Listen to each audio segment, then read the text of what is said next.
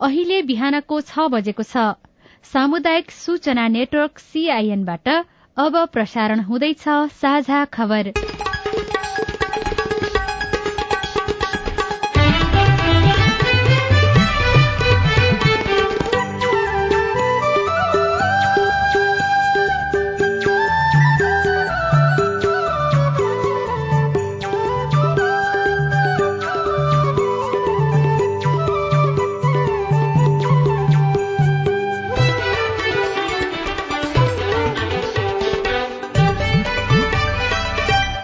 शुभ प्रभात यो सीआईएनको साझा खबर हो। उषा तामाङसँगै राजन रुचालको तपाईँलाई स्वागत छ। सामुदायिक रेडियोबाट देशैभरि एकैसाथ प्रसारण भइरहेको साझा खबर सीआईएन खबर डट कम र मोबाइल एप सीआईएनबाट पनि सुन्न सकिन्छ। आज दुई हजार उनासी साल कार्तिक पाँच गते शनिबार अक्टोबर बाइस तारीक सन् दुई हजार बाइस नेपाल सम्मत एघार सय बयालिस कार्तिक कृष्ण पक्षको द्वादशी उपरान्त त्रयोदशी तिथि। साझा खबरमा प्रमुख खबरका शीर्षकहरू। दलहरूले आचार संहिता उल्लंघन गरेकोमा निर्वाचन आयोगको गम्भीर ध्यानकर्षण प्रत्यक्षतर्फको एक करोड़ चौवालिस लाख मतपत्र छापियो। मंगिर बाइस भित्रै चुनावको अन्तिम नतिजा आउने आयोगको दावी। सामाजिक सञ्जालमा चुनाव प्रचार प्रसार तीव्र। उम्मेद्वारले एक महिनाको अवधिमा फेसबुकलाई मात्र एघार हजार डलर तिरे। कांग्रेसलाई बाघी भन्दा अन्तर्घातको चिन्ता। डेंगी महामारीको रूपमा फैलियो तर नियन्त्रणमा सरकारी उदासीनता। आयात प्रतिबन्धकै बेला विदेशी मुद्रा संचिति घट्यो। व्यापारिक लाइसेन्स अघि नबढ़ाउन सर्वोच्चको आदेश। एडीबीले पाकिस्तानलाई डेढ़ अर्ब करोड़ अमेरिकी डलर ऋण सहयोग गर्ने म्याद नागेपछि भारतमा कोरोना विरूद्धको दश करोड़ डोज खोप नष्ट रूसले जलविद्युत बाँध भत्काउने योजना बनाएको युक्रेनको आरोप। र टी ट्वेन्टी विश्वकप क्रिकेटमा आजबाट सुपर बाह्रका खेलहरू हुँदै।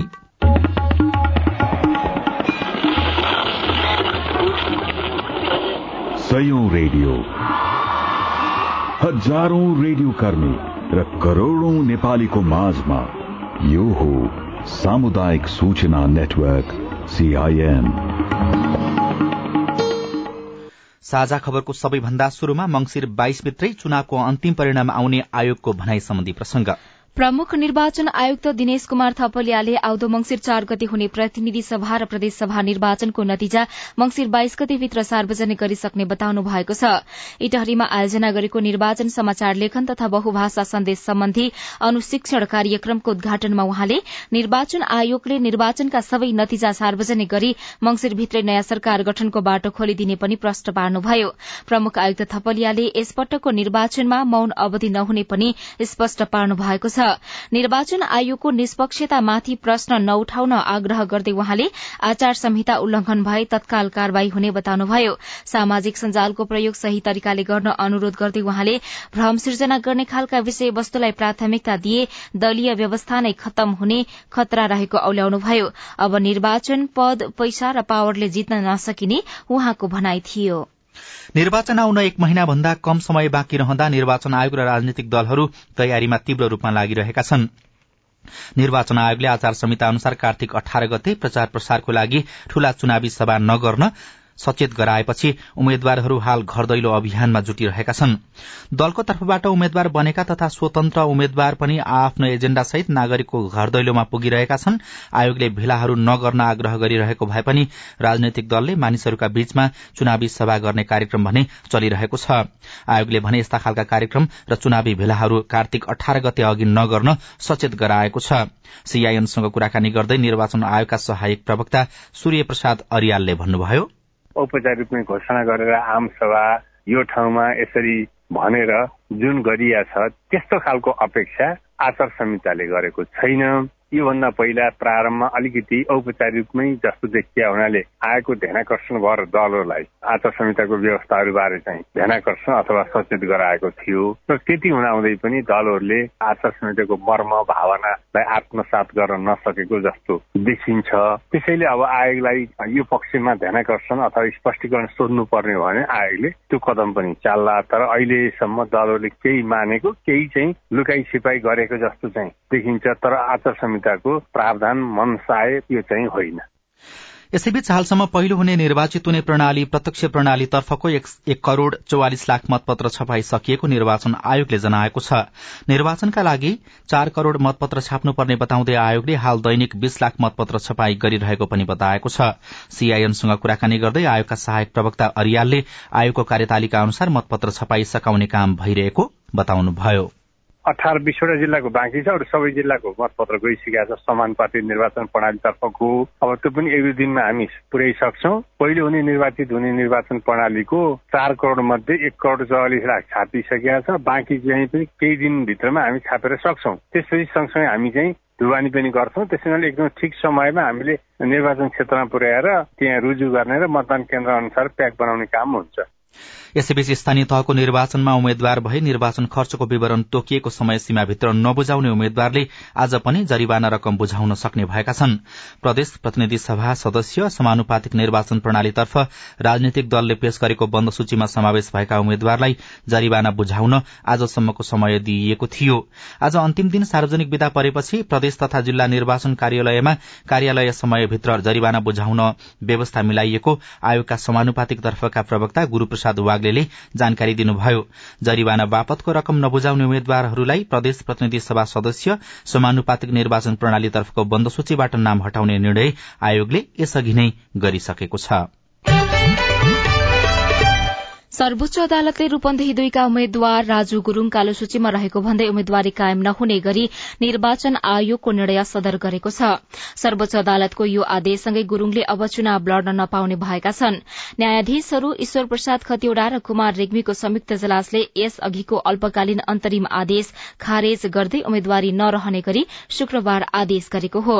प्रतिनिधि सभा सदस्य निर्वाचन ऐन दुई हजार चौहत्तरको दफा तेह्रको जमा प्रचलित कानून बमोजिम कालो सूचीमा रहेकोमा सो अवधिभर निर्वाचनमा उम्मेद्वार हुन अयोग्य मानिने व्यवस्था छ। कर्जा सूचना केन्द्रले निर्वाचन आयोगलाई लेखेको पत्रमा गुरूङका नाममा दस हजार अठासी र दस हजार तीस नम्बरको कालो सूचीमा क्रमशः दुई हजार चौहत्तरको कार्तिक अठाइस र असोज नौमा सूचीकृत भएको आदेशमा उल्लेख छ। गुरूङको नाम कालो सूचीमा रहेका कारण जनाएर निर्वाचन अधिकृतले असोज पच्चीसमा मनोनयन खारेज गर्ने निर्णय गर्नुभएको थियो। विगतका निर्वाचनमा आफ्नै पार्टीका बाघी उम्मेद्वारको चुनौती झेल्दै आएको नेपाली कांग्रेसले यसपटक बाघीको सामना कम गर्नुपर्ने भएको छ तर टिकट वितरणका क्रममा देखिएको तीव्र असन्तुष्टि र गुटगत प्रतिस्पर्धाका कारण कांग्रेसमा अन्तर्घातको संशय भने छ। टिकट वितरणमा संस्थापन पक्षले बलमिच्याई गरेकाले कतिपय क्षेत्रमा शेखर कोइराला पक्षले अन्तर्घात गर्ने आशंका पनि नेताहरूमा छ। सत्ता गठबन्धनको सीट बाँडफाँड अनुसार कांग्रेसले प्रतिनिधि सभाका एकानब्बे क्षेत्रमा उम्मेद्वारी दिएको छ। तीमध्ये चार ठाउँमा मात्र कांग्रेसका आफ्नै बागी उम्मेद्वार रहेका छन्। कञ्चनपुर तीनमा रमेश लेखक विरूद्ध दीपक बहादुर सिंह र शारदा चन्दले बागी उम्मेद्वारी दिएका छन्। निर्माण व्यवसायी समेत रहेका सिंह कांग्रेस महाधिवेशन प्रतिनिधि हुन्। कांग्रेसकै जिल्ला स्तरीय कार्यकर्ता रहेकी चन्द भने पछिल्लो समय सामाजिक क्षेत्रमा क्रियाशील हुनुहुन्छ। सिन्धुपाल्चोक दुईमा मोहन बहादुर बस्नेत विरूद्ध बद्री चापागाईले उम्मेद्वारी दिनुभएको छ। उहाँ पार्टी पूर्व क्षेत्रीय सभापति हुनुहुन्छ। विगतमा बस्नेत समूहमा रहेका चौलागाई पछिल्लो समय संस्थापनेतर समूहमा हुनुहुन्छ। धादिङ दुईमा जिल्ला सभापति रामनाथ अधिकारी विरूद्ध कांग्रेसकै टेकाराम काप्री बागी उठ्नु भएको छ। काप्री जिल्ला स्तरीय नेता हुनुहुन्छ। सर्लाही चारमा भने कांग्रेसका लागि चुनौती छ। जिल्ला सभापति नागेन्द्र कुमार राय विरूद्ध कांग्रेसकै निवर्तमान सांसद अमरेश कुमार सिंह र माओवादीका मधुमला कुमारी यादव बागी उम्मेद्वार हुनुहुन्छ। उक्त क्षेत्रमा सत्ता गठबन्धनका तीन दल कांग्रेस माओवादी र लोसपा क्रमशः पहिलो दोस्रो र तेस्रो स्थानमा रहेका छन्। कांग्रेसलाई कार्यवाहीमा परेका पार्टीका पूर्व नेताहरू पनि चुनौती बनेका छन्। कांग्रेस वरिष्ठ नेता रामचन्द्र पौडेल विरूद्ध गोविन्दराज जोशी तनहु एकमा उम्मेद्वारी दिनुभएको छ। पौडेल र पूर्व कांग्रेस नेता जोशीबीच लामो समयदेखि द्वन्द पनि रहेको छ। त्यस्तै कैलाली पाँचमा कांग्रेसका आधिकारिक उम्मेद्वार डिल्लीराज पन्त विरूद्ध कांग्रेसकै पूर्व सांसद पुष्करनाथ ओझाले उम्मेद्वारी दिनुभएको छ। कांग्रेसको भागमा परेका तीन स्थानमा मात्र माओवादीका बागी उम्मेद्वार उठेका छन्। सर्लाही बाहेक धनकोटा र सप्तरी एकमा कांग्रेस विरूद्ध माओवादीका उम्मेद्वारले बागी उम्मेद्वारी दर्ता गराएका छनृ। प्रतिनिधि सभा र प्रदेश सभाको चार मंगिरमा हुने निर्वाचनको प्रचार प्रसारमा दल तथा उम्मेद्वारले सामाजिक सञ्जालको प्रयोग बढ़ाएका छन्। दुईदेखि एकतीस असोजसम्म प्रतिनिधि सभा र प्रदेश सभाका अस्सी उम्मेद्वारले एघार हजार दुई सय पञ्चानब्बे डलर चुनावी प्रचारका लागि फेसबुकलाई तिरिसकेका छन्। निर्वाचन आयोगले चुनाव प्रचारमा सामाजिक सञ्जालको बढ़ी भन्दा बढ़ी प्रयोगमा जोड़ दिएका बेला दल उम्मेद्वार तथा समर्थकले विज्ञापनमा जोड़ दिएका हुन्। इन्जिनियर सुशान्त श्रेष्ठ डाक्टर सुरेश बस्नेत राजेन्द्र प्रसाद श्रेष्ठ सोमप्रसाद पाण्डे परमेश्वर महासेठ गणेश पराजुली शिशिर खनाल शैलेन्द्र बस्नेत उपेन्द्र यादव अनु बोहरा सन्तोष घिमिरे र इस्तियाक राई फेसबुक विज्ञापनमा अगाडि देखिनु भएको छ।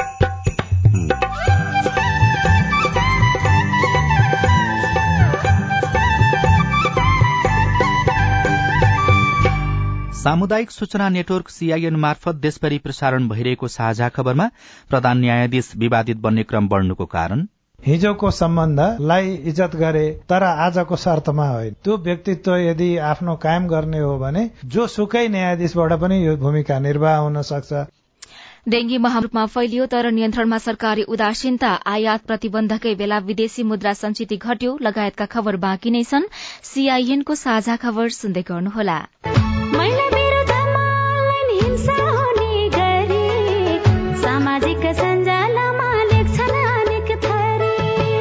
गाली गर्ने चरित्रमा दाग लगाउन खोज्ने झुटा आरोप लगाएर भरम फैलाउने। लैङ्गिक रूपमा अल्पसङ्ख्यक जो छन् वरिपरि नाना थरी हिंसा गर्छन् होच्याउने गरी। नजिस्काउनु शरीर र यौनिकतालाई हेरी।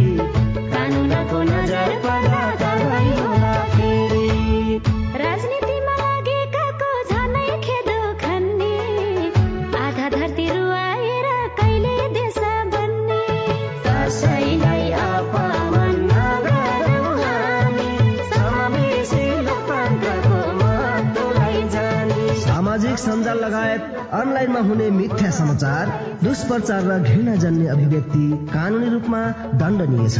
अनलाइन हिंसा नगरौं र नसहौं। युएसएआईडी र एनडीआई नेपालको आर्थिक तथा प्राविधिक सहयोगमा पर्पल फाउन्डेसनको चेतनामूलक सन्देश। सामाजिक रूपान्तरणका लागि यो हो सामुदायिक सूचना नेटवर्क सीआईएन तपाईँ अहिले देशभरिका सामुदायिक radio CIN Khabar dot com र मोबाइल एप सीआईएनबाट एकैसाथ साझा खबर सुन्दै हुनुहुन्छ। मोबाइल एप नेपाली पात्रोबाट पनि सीआईएनको साझा खबर सुनिरहनु भएको छ। अब आज काठमाडौँबाट प्रकाशित पत्र पत्रिकाका खबर। व्यापारिक लाइसेन्स अघि नबढ़ाउन सर्वोच्चको आदेश शीर्षकमा कान्तिपुर दैनिकमा यज्ञ बन्जारीले खबर लेख्नु भएको छ। सर्वोच्च अदालतले स्टक एक्सचेन्ज कमोडिटी एक्सचेन्ज र स्टक ब्रोकरको नयाँ लाइसेन्स वितरण प्रक्रिया तत्काल अघि नबढ़ाउन धितो पत्र बोर्डलाई अल्पकालीन अन्तरिम आदेश जारी गरेको छ। स्टक एक्सचेन्ज कमोडिटी एक्सचेन्ज र स्टक ब्रोकरको नयाँ लाइसेन्स वितरण प्रक्रिया विरूद्ध परेको रिटमा गर्दै न्यायाधीशले शुक्रबार आदेश दिएको हो। अधिवक्ता दीपक विक्रम मिश्रले तत्काल स्टक एक्सचेन्ज कमोडिटी एक्सचेन्ज र स्टक ब्रोकरको नयाँ लाइसेन्स दिने प्रक्रिया रोक्न माग गर्दै रिट निवेदन दिनुभएको थियो। रिट निवेदनमा अदालतले अर्को सुनाई नहुँदासम्म लागू हुने गरी अल्पकालीन अन्तरिम आदेश जारी गरेको हो। अन्नपूर्ण पोस्ट दैनिकमा डेंगू महामारी नियन्त्रण फितलो शीर्षकमा दिनेश गौतमले लेख्नु भएको खबर छापिएको छ। डेंगू संक्रमण भएर स्वास्थ्य तथा जनसंख्या राज्यमन्त्री हिराचन्द्र केसी वीर अस्पतालको सघन उपचार कक्ष आईसीयूमा उपचाररत हुनुहुन्छ। ज्वरो आउने टाउको दुख्ने शरीर गल्ने लगायतका समस्या देखिएपछि राज्यमन्त्री केसी मंगलबार भर्ना हुनुभयो। अहिले अस्पतालका अधिकांश शैया डेंगू संक्रमितले भरिएको छ। नागरिक मात्रै होइन मन्त्री नै संक्रमित भएका छन् तर नियन्त्रणको प्रभावकारी तयारीमा भने सरकार जुटेको देखिँदैन। स्वास्थ्य सेवा विभाग इपिडिमियोलोजी तथा रोग नियन्त्रण महाशाखा ईडीसीडीका निर्देशक डाक्टर चुमनलाल दासका अनुसार डेंगू संक्रमणबाट यस वर्ष एकाउन्न जनाको मृत्यु भइसकेको छ। सतहत्तरवटै जिल्लामा डेंगू फैलिएको स्वास्थ्य तथा जनसंख्या मन्त्रालयले जनाएको छ। हालसम्म बयालिस हजार पाँच सय चार जनामा डेंगू पुष्टि भइसकेको छ। एडिस एजेप्टी र एल्बोपिटक्स नामको लामखुट्टेको टोकाईबाट डेंगू संक्रमण सर्ने गर्छ।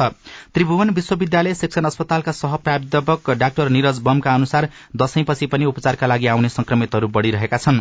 घर बाहिर निस्केर काम गर्ने युवा र वयस्कहरू डेंगू संक्रमणबाट बढ़ी प्रभावित भएका छन्। बीस वर्ष माथिका व्यक्तिमा संक्रमण बढ़ी पाइएको डाक्टर दास बताउनुहुन्छ। बान्ता आउने टाउको दुख्ने चक्कर लाग्ने खालका लक्षणहरू लिएर जचाउन आउनेको संख्या धेरै नै रहेको चिकित्सकहरूले बताएका छनृ। कोरोना संक्रमणको महामारीमा स्वास्थ्य कर्मीलाई आवश्यक तालिम दिइएको थियो। उपचार व्यवस्थापनको विषयमा अन्तर्क्रिया जुम मिटिङ लगायतका रचनात्मक कार्य गरिएको थियो तर डेंगू संक्रमणको बेला तालिम लगायतका अन्य पूर्वाधार व्यवस्थापनमा व्यवस्था देखिएको छ। डाक्टर बमका अनुसार कोरोना संक्रमणको महामारी झै डेंगू संक्रमितलाई उपचार व्यवस्थापनमा सरकारको तदारूकता देखिएको छैन। डेंगू महामारीको रूपमा फैलियो तर नियन्त्रणमा भने सरकारको फितलो तयारी देखिएको छ खबरमा उल्लेख गरिएको छ। विदेशी मुद्रा संचिती घटेको भन्दै सरकारले तीन सय डलर भन्दा माथिका मोबाइल कार जीप भ्यान एक सय पचास सीसी माथिका मोटरसाइकल तथा विदेशी तयारी मदिरा आयातमा प्रतिबन्ध लगाएको छ। सरकारले पटक पटक म्याद थप्दै आयात प्रतिबन्धलाई मंगिर मसान्तसम्म कायम गरेको छ। वैशाख चौधदेखि यी वस्तुको आयात प्रतिबन्ध रहिरहे पनि विदेशी मुद्रा संचिती घट्ने क्रममा भने सुधार देखिएको छैन। दुई महिनामै छब्बीस अर्ब चौसठी करोड़ रूपियाँ बराबर विदेशी मुद्रा संचिती घटेको नेपाल राष्ट्र ब्याङ्कले शुक्रबार सार्वजनिक गरेको आर्थिक तथा वित्तीय विवरणले देखाउँछ। गत असार मसान्तसम्म मुलुकसँग कुल बाह्र खर्ब पन्ध्र अर्ब अस्सी करोड़ रूपियाँ बराबर रहेको विदेशी विनिमय संचिती भदौ मसान्तसम्म दुई दशमलव दुई प्रतिशतले कमी आई। एघार खर्ब उनानब्बे अर्ब सोह्र करोड़ रूपियाँ कायम भएको छ। रेमिटान्समा करिब बीस प्रतिशतको सुधार भुक्तानी अवस्था तेइस अर्ब अडसठी करोड़ घाटामा र मूल्यवृद्धि साढे आठ प्रतिशत नाघेको नेपाल राष्ट्र ब्याङ्कले जनाएको छ। यो खबर कान्तिपुर दैनिकको अर्थ वाणिज्य पृष्ठमा कमल नेपालले लेख्नु भएको हो। त्यस्तै सोही पृष्ठमा राजु चौधरी लेख्नुहुन्छ हुम्लाको रैथाने उत्पादन अब काठमाण्डुमै पाइने भएको छ। हुम्लाको सिमकोट गाउँपालिका आसपासमा उत्पादित रैथाने उत्पादनको बजारीकरण र किसानको जीवनस्तर उकास्न गाउँपालिकाले सिमी फावर चिनो कागुनो लगायत उत्पादन किन्न लागेको हो। किसानसँग किनिने ती उत्पादन गाउँपालिकाले खाद्य व्यवस्था तथा व्यापार कम्पनीलाई बेच्नेछ त्यसपछि खाद्यले ब्राण्डिङ गरेर उपत्यकामा बिक्री गरिदिने जनाएको छ। अर्को खबर साल्ट ट्रेडिङ कर्पोरेशनले ल्याउन लागेको युरिया मल सीमामा भित्रिन थालेको छ। साल्टको एक रेलवे र्याक युरिया मल वीरगंज स्थित सिर्सिया सुक्खा बन्दरगाह आइपुगेको हो। त्यस्तै नयाँ पत्रिका दैनिकमा तिहारको मुखमा छोइन सक्नु महँगी शीर्षकमा भोजराज भण्डारीले लेख्नु भएको खबर छापिएको छ। तिहार तथा छठ पर्वको पूर्व सन्ध्यामा दैनिक उपभोग्य वस्तुको मूल्य हात्तै बढ़ेको छ। पछिल्लो समय तरकारी खाद्यान्न लगायत वस्तुको मूल्य बढ़ेको हो। विशेष गरी तरकारीको मूल्य अचाकली बढ़ेको छ। कालीमाटी तरकारी बजार विकास समितिका अनुसार पछिल्लो समय रातो आलुको मूल्य किलोमै अठाइस रूपियाँले बढ़ेर प्रति किलो चौरानब्बे रूपियाँ पुगेको छ। त्यस्तै चामल किलोमै बाह्र रूपियाँले बढ़ेको छ भने तिहार लक्षित अनुगमन फितलो देखिन्छ। रेस्टुरेन्ट र मिठाई पसलहरूको भान्सामा पनि समस्या देखिएको छ। मेनु सेवामा शुल्क र भ्याट रकम जोड्न नपाउने भनेर भनिए पनि त्यस्तो अवस्था देखिएको छैन। खबरहरूमा उल्लेख गरिएको छ। साझा खबरमा अब हेलो सीआईएन सजना तिमल सिन्हाबाट।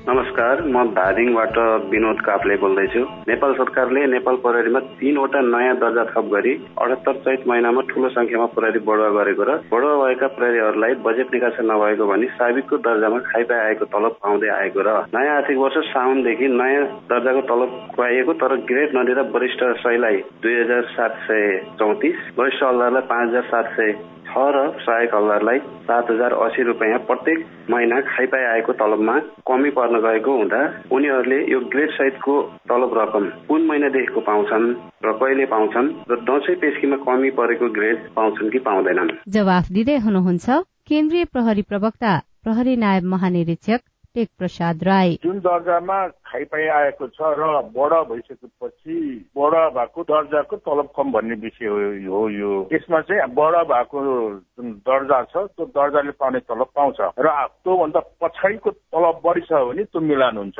यसको लागि चाहिँ प्रहरी प्रधान कार्यालयले गृह मन्त्रालयमा यो बारेमा लेखा पढिरहेको छ र यो अब चाँडै नै यो मिलान हुने चाहिँ प्रोसेसमा गइसकेको छ। दैलेखको भैरवी गाउँपालिकाबाट रमेश खनालले कोरोना प्रभावितलाई दिने भनिएको दस हजार रूपियाँ किन आएन भनेर सोध्नु भएको छ। रमेशजी तपाईँको प्रश्न सुनेपछि भैरवी गाउँपालिकाका आर्थिक प्रशासन शाखाका प्रमुख जेठ बहादुर बुढा भन्नुहुन्छ। अब यो आर्थिक वर्ष अब दसैँको एक दुई दिन अगाडि मात्रै हाम्रो कारोबार सुरु भयो त्यसपछि भ्याइएन। अलिकति ठुलो धेरै धेरैजना भावनाले अब यसको भुक्तानी प्रक्रिया अब बढ्छ अगाडि। हेलो नमस्कार म निर्मल अधिकारी नेपालगञ्ज बाँकेबाट सहकारीहरूले यो रकम अप्रचलन गर्ने भन्ने यो सुनिएको पनि छ देखिएको पनि छ। यसको गुनासो सुन्ने निकाय कहाँ छ होला? तपाईँले सहकारी सम्बन्धी गुनासो गर्नको लागि सहकारी विभागमा सम्पर्क गर्नुपर्नेछ। तपाईँ जुनसुकै बेला हाम्रो टेलिफोन नम्बर शून्य एक बान्न साठी छ चार छमा फोन गरेर आफ्नो प्रश्न जिज्ञासा गुनासा अनि समस्या रेकर्ड गर्न सक्नुहुनेछ। साझा खबरमा अब विदेशका खबर एसियाली विकास बैंक एडीबीले पाकिस्तानलाई एक अर्ब पचास करोड़ अमेरिकी डलरको ऋण सहयोग उपलब्ध गराएको छ। पाकिस्तानमा सामाजिक सुरक्षा खाद्य सुरक्षा र विनाशकारी बाढ़ीको समयमा आफ्ना जनताका लागि रोजगारी प्रदान गर्न सहयोग गर्न बैंकले एक अर्ब पचास करोड़ अमेरिकी डलरको वित्त पोषण स्वीकृत गरेको हो। यसैबीच पाकिस्तानलाई विश्वव्यापी आतंकवाद वित्त पोषण सूचीबाट हटाइएको छ। फ्रान्सको पेरिसमा भएको दुई दिने बैठकको अन्त्यमा एफटीएफ का अध्यक्ष टी राजा कुमारले यस्तो निर्णयको घोषणा गर्नुभएको हो। निर्णयपछि पाकिस्तानका प्रधानमन्त्री शहबाज शरीफले ट्वीट गर्दै वर्षौंदेखिको प्रयास सफल भएको भन्दै पाकिस्तानी नागरिकलाई बधाई दिनुभएको छ। म्याद नागेपछि भारतमा कोविड उन्नाइस विरूद्धको दश करोड़ मात्रा खोप नष्ट गरिएको छ। भारतीय खोप निर्माण कम्पनी सेरम इन्स्टिच्यूट अफ इण्डियाले उत्पादन गरेको खोप नष्ट गरेको हो। कम्पनीका प्रमुख कार्यकारी अधिकारी आधार पुनमवाल्लाले मागमा आएको कमीको कारण गत वर्षको डिसेम्बरमा कम्पनीले कोविशील्डका खोप उत्पादन बन्द गरेको जानकारी दिनुभएको छ। रूसले दक्षिणी खेरसन क्षेत्रमा एउटा जलविद्युत बाँध भत्काउने योजना बनाएको युक्रेनले आरोप लगाएको छ। युक्रेनका राष्ट्रपति भ्लोदिमिर जुलेन्स्कीले रूसी सेनाले कोभा काखोपको जलविद्युत आयोजनालाई विस्फोट गराउने उद्देश्यले उत्खनन गरेको दावी गर्नुभएको छ। यसैबीच रूसले युक्रेनको अवस्थाबारे अमेरिका र रूसका रक्षा मन्त्रीहरूले टेलिफोन कुराकानी गरेका छन्। करिब पाँच महिनापछि अमेरिकी रक्षा मन्त्री लोएड अस्टिन र रूसका समकक्षी सर्गेई सोइगुले युक्रेनको अवस्थाबारे टेलिफोन वार्ता गरेको र दुवै देशले यसलाई पुष्टि पनि गरेका छन्। लागि नेपाली टोलीको घोषणा भएको छ। मुख्य प्रशिक्षक भगवती राणा मगरले हिजो नेपाली टोलीको घोषणा गर्नुभयो। बंगलादेशमा आयोजना हुने पन्ध्र वर्ष मुनिको महिला साफ च्याम्पियनशीप प्रतियोगिता नोभेम्बर एकदेखि बाह्रसम्म चल्नेछ। र टी ट्वेन्टी विश्वकप क्रिकेट आजबाट सुपर बाह्रका खेलहरू हुँदैछन्। पहिलो खेलमा दिउँसो पाउने एक बजे अस्ट्रेलिया र न्यूजील्याण्ड खेल्नेछन् भने बेलुकी पाउने पाँच बजे अफगानिस्तान र इंग्ल्याण्ड बीच प्रतिस्पर्धा हुनेछ। यसअघि हिजो आ आफ्नो खेलमा जित्दै आयरल्याण्ड र जिम्बाब्वे सुपर बाह्रमा प्रवेश गरेका गरेका थिए। आयरल्याण्डले दुई पटकको टी ट्वेन्टी विश्वकप विजेता वेस्ट इण्डिजलाई नौ विकेटले हराएको थियो भने जिम्बाब्वेले स्कटल्याण्डमाथि पाँच विकेटको जीत हात पारेको थियो। प्रधान न्यायाधीश विवादमा पर्ने क्रम बढ़दै जानुमा कसको दोष? रेडियो कुराकानी स्वस्थ जीवनशैली सम्बन्धी सन्देश अरू खबर र कार्टुन पनि बाँकी नै छ। सीआईएनको साझा खबर सुन्दै गर्नुहोला। रोमा दिदी फेरि चुनाव लागे जस्तो छ नि कताको यात्रा हो? तल चौतारीमा आज सबै पार्टीका अध्यक्षहरू आउने रे। महिलालाई टिकट देऊ भनेर दबाब दिन हिँडेको। भनेपछि महिला उम्मेद्वारको पक्षमा महिलाको र्याली अनि दिदी महिलालाई उम्मेद्वार बनाउन तयार हुन्छन् त पार्टी र पुरुष नेताहरू? संविधानले तेत्तीस प्रतिशत महिला सहभागिता गराउनु पर्ने भनेको छ। त्यसैले अब महिला उम्मेद्वारलाई मतदान गरी जिताउनु पर्छ क्या? अनि महिला नै किन? पहिलो त जनसंख्याको आधारमा हाम्रो प्रतिनिधित्व हुने कुरा लोकतन्त्रको आधार हो र हाम्रो अधिकार पनि। अर्को महिलाले जितेमा महिला र अन्य पछाडि पारिएका समुदायको मुद्दा सम्बोधन नीतिगत व्यवस्था र कार्यान्वयन प्रभावकारी हुन्छ। सुन्या होला नि जसको सवाल उसकै नेतृत्व।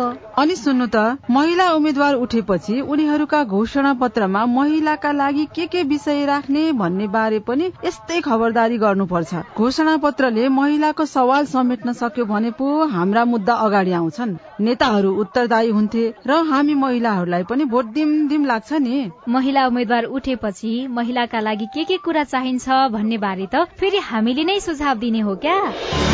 आगामी मंगिर चारको प्रतिनिधि र प्रदेश सभा निर्वाचनका लागि संविधानको व्यवस्था अनुसार महिला उम्मेद्वारलाई मतदान गरौं। महिला पुनस्थापना केन्द्र ओरेक नेम्स केयर नेपाल र सामुदायिक सूचना नेटवर्क सीआईएन सामाजिक रूपान्तरणका लागि यो हो सामुदायिक सूचना नेटवर्क सीआईएन साझा खबरमा प्रधान न्यायाधीशको नियुक्ति र भूमिका।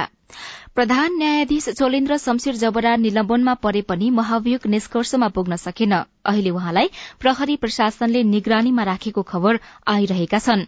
प्रधान न्यायाधीश विवादमा पर्ने क्रम बढ़दै जानुमा कसको दोष धेरै? साथी लीलप्रकाश चन्दले वरिष्ठ संविधानविद डाक्टर विपिन अधिकारीसँग सोध्नु भएको छ। कुनै पनि स्वतन्त्र निष्पक्ष भएर काम गर्ने पदाधिकारीहरूले त्यो वातावरण नपाउने भए हिजो प्रधान न्यायाधीश सुशीला कार्की को सम्बन्धमा पनि धरपकड भएको हो। अब त्यो चाहिँ जे भए पनि अदालतको हस्तक्षेपले गर्दा एउटा त्यसमा चाहिँ विवेकले काम गर्यो। अहिलेकोमा अदालत चाहिँ उहाँप्रति पोजिटिभ छैन। अन्य पक्षहरू झनै छैन। नयाँ प्रधान न्यायाधीश चयन प्रक्रियामा अगाडि बढ्यो भने नयाँ व्यक्ति आइसकेपछि न्यायालय यस्तो हुनुपर्छ निष्पक्ष हुनुपर्छ तटस्थ हुनुपर्छ भन्ने जुन हामी सैद्धान्तिक रूपमा बहस गर्छौँ नि त्यस्तो प्रकारको व्यक्ति आउँछ कि अथवा झन् गिजोलिने सम्भावना आगामी दिनमा धेरै छ न्यायालय? हिजो कुन पार्टीसँग संलग्नता थियो त्यो भाइचाराको सम्बन्ध कोसँग थियो उठबस त्यससँग अर्थ भएन। न्यायिक जिम्मेवारी पाएको छु। म एउटा न्यायपूर्ण सम्बन्ध मात्र राख्दछु। व्यावसायिक जुन क्षमता छ त्यसका आधारमा काम गर्छु भन्ने यदि प्रधान न्यायाधीश हुने हो भने एबीसीडी ज्ञसम्म जेडसम्म कसैले पनि हल्लाउन सक्दैन। कस्तो व्यक्तिलाई ल्याउने भन्ने कुरा त फेरि राजनैतिक रूपमा आग्रह पूर्वाग्रह विगतमा राखेको व्यक्ति अब कुर्सीमा पुग्ने बित्तिकै तटस्थ भएर गर्न सक्छ? संवैधानिक कानूनका सिद्धान्तहरूमा पढ्ने यो एडवर्ड कोकदेखि लिएर जस्टिस मार्शलसम्म सबै मान्छे राजनैतिक परिवेशबाट आएका मान्छेहरू हुन्। तर उनीहरूले व्यावसायिक आफ्नो जुन क्षमता छ त्यो प्रदर्शन गरे। हिजोको सम्बन्धलाई उनीहरूले चाहिँ इज्जत गरे तर आजको शर्तमा होइन। त्यो व्यक्तित्व यदि आफ्नो कायम गर्ने हो भने जो सुकै न्यायाधीशबाट पनि यो भूमिका निर्वाह हुन सक्छ। प्रधान न्यायाधीशले म कुन अर्थमा प्रधान हुँ भनेर बुझ्न सकेकै छैन। यही देशका प्रधान न्यायाधीश यस्ता पनि थिए। विश्वनाथ उपाध्याय जसले नेपाल सरकारले बजेट चाहिँ चाहिए जति दिएन या त चाहे जति देऊ होइन भने टुडी खेलमा गएर भाषण गर्छु म। मेरो पनि चाहिँ लाभग्राहीहरू छन् भनेर मात्र थर्काउँदाखेरि भने जति पैसा दिन तयार थियो सरकार। प्रधान न्यायाधीश जबराको बयानमा उहाँले भनेको दिएको अभिव्यक्ति सुन्दाखेरि न्यायालयभित्र पनि गुट उपगुट जालबाट घेरिनुपर्ने बाध्यता हो त्यसको कारण छ त्यसको कारण के हो भने कि न्यायालयको नेतृत्व बलियो भएन न्यायाधीशहरूको नियुक्तिमा जुन राजनैतिक दलमा भागशान्ति गर्ने परिपाटी अन्त्य नहुँदासम्म प्रधान न्यायाधीश बलियो हुन सक्छ न्यायाधीशकै कारणले भएको हो नि त। प्रधान न्यायाधीशले तपाईँ खल्तीमा कसैले नाउँ लिएर आउनु पर्दैन। नाउँ जति सबै मैले ल्याउने हो यो देशको प्रधान न्यायाधीश म हुँ। न्याय क्षेत्र मेरो जिम्मेवारी हो। आफ्नो ठाउँमा तपाईँहरूले जहाँ जहाँ जे जे गर्नुहुन्छ गर्दै गर्नु होला प्रस्तावक म हुँ सहमति गरौं भन्ने एउटा नभए अर्को दिने अर्को नभए अर्को दिने। हाम्रोमा प्रधान न्यायाधीशले प्रस्ताव गर्ने हो अरूले भेटिङ गर्ने हो। अब प्रणालीलाई बिगारेर भाग भागभण्डामा राखिदिए अनि भागभण्डामा पनि के भनेदेखि अलिकति सानो छ भने थोरैले पनि चित्त बुझाउने ठूलो छ भने अलि धेरै लिने तर एक अर्काको जुन नोमिनी छ उसलाई स्वतः स्वीकार गर्ने त्यसको क्रिटिकल इभ्यालुएसन भएन। कुराकानीसँगै हामी साझा खबरको अन्त्यमा आइपुगेका छौं। सामुदायिक रेडियो प्रसारक संघद्वारा संचालित सीआईएनको बिहान छ बजेको साझा खबर सक्नु अघि तपाईँको स्वस्थ जीवनशैलीसँग जोडिएको एउटा सन्देश जोड्ने दुख्ने समस्या भएकाहरूले चाडपर्वको बेला के कुरामा ध्यान दिने? चाडबाडमा मासुहरू धेरै खाइन्छ चिल्लो बढी खाइन्छ। त्यसले गर्दा पुरो हाई प्रोटिन डाइट हुन्छ। त्यसले जस युरिक एसिडको लेभल जुन प्रोटिनको मात्रा ब्लडमा जुन मेटाबोलिजम छ त्यो बढी देखिन्छ। त्यही हुनाले जोइन्ट पेनहरू हुने त्यो अवस्था रहन्छ। त्यही हुनाले हाई प्रोटिन डाइट पनि एकैचोटि सेवन नगरौँ। प्रोटिन खाँदाखेरि पनि अलिकति ठिक्क खाउँ। मासु मासु खाने रक्सीहरू त खानु भएन। रक्सीसित मासु पनि खाइदिने रक्सी पनि खाइदिने गर्दाखेरि अलिकति चाडबाडमा होइन? लिभर पनि खराब हुने प्रोटिन डाइट पनि बढी हुने। त्यसले गर्दा जोइन्ट पेनहरू हुने लिभर ड्युरेन्ज हुने होइन कलेजोको समस्या अनि प्रेसरको समस्याहरू धेरै कुराहरू आउँछन्। फ्रेस फुडहरू फ्रेस खानाहरू बनाउने र ब्यालेन्स रूपमा खाने र प्रोटिनको मात्रा अलिकति कम गर्नुभयो भने जोइन्ट पेनको दुखाइहरूदेखि लिएर अब फुड पोइजनिङका कुराहरू हुन्छ। एक्टिभिटी जारी राख्नुभयो भने यी सबै कुराले चाडबाड राम्रै हुन्छ नराम्रो असर गर्दैन। डाक्टर बद्री रिजालसँगको कुराकानीमा आधारित यो सन्देशसँगै साझा खबरमा मुख्य मुख्य खबर फेरि एकपटक।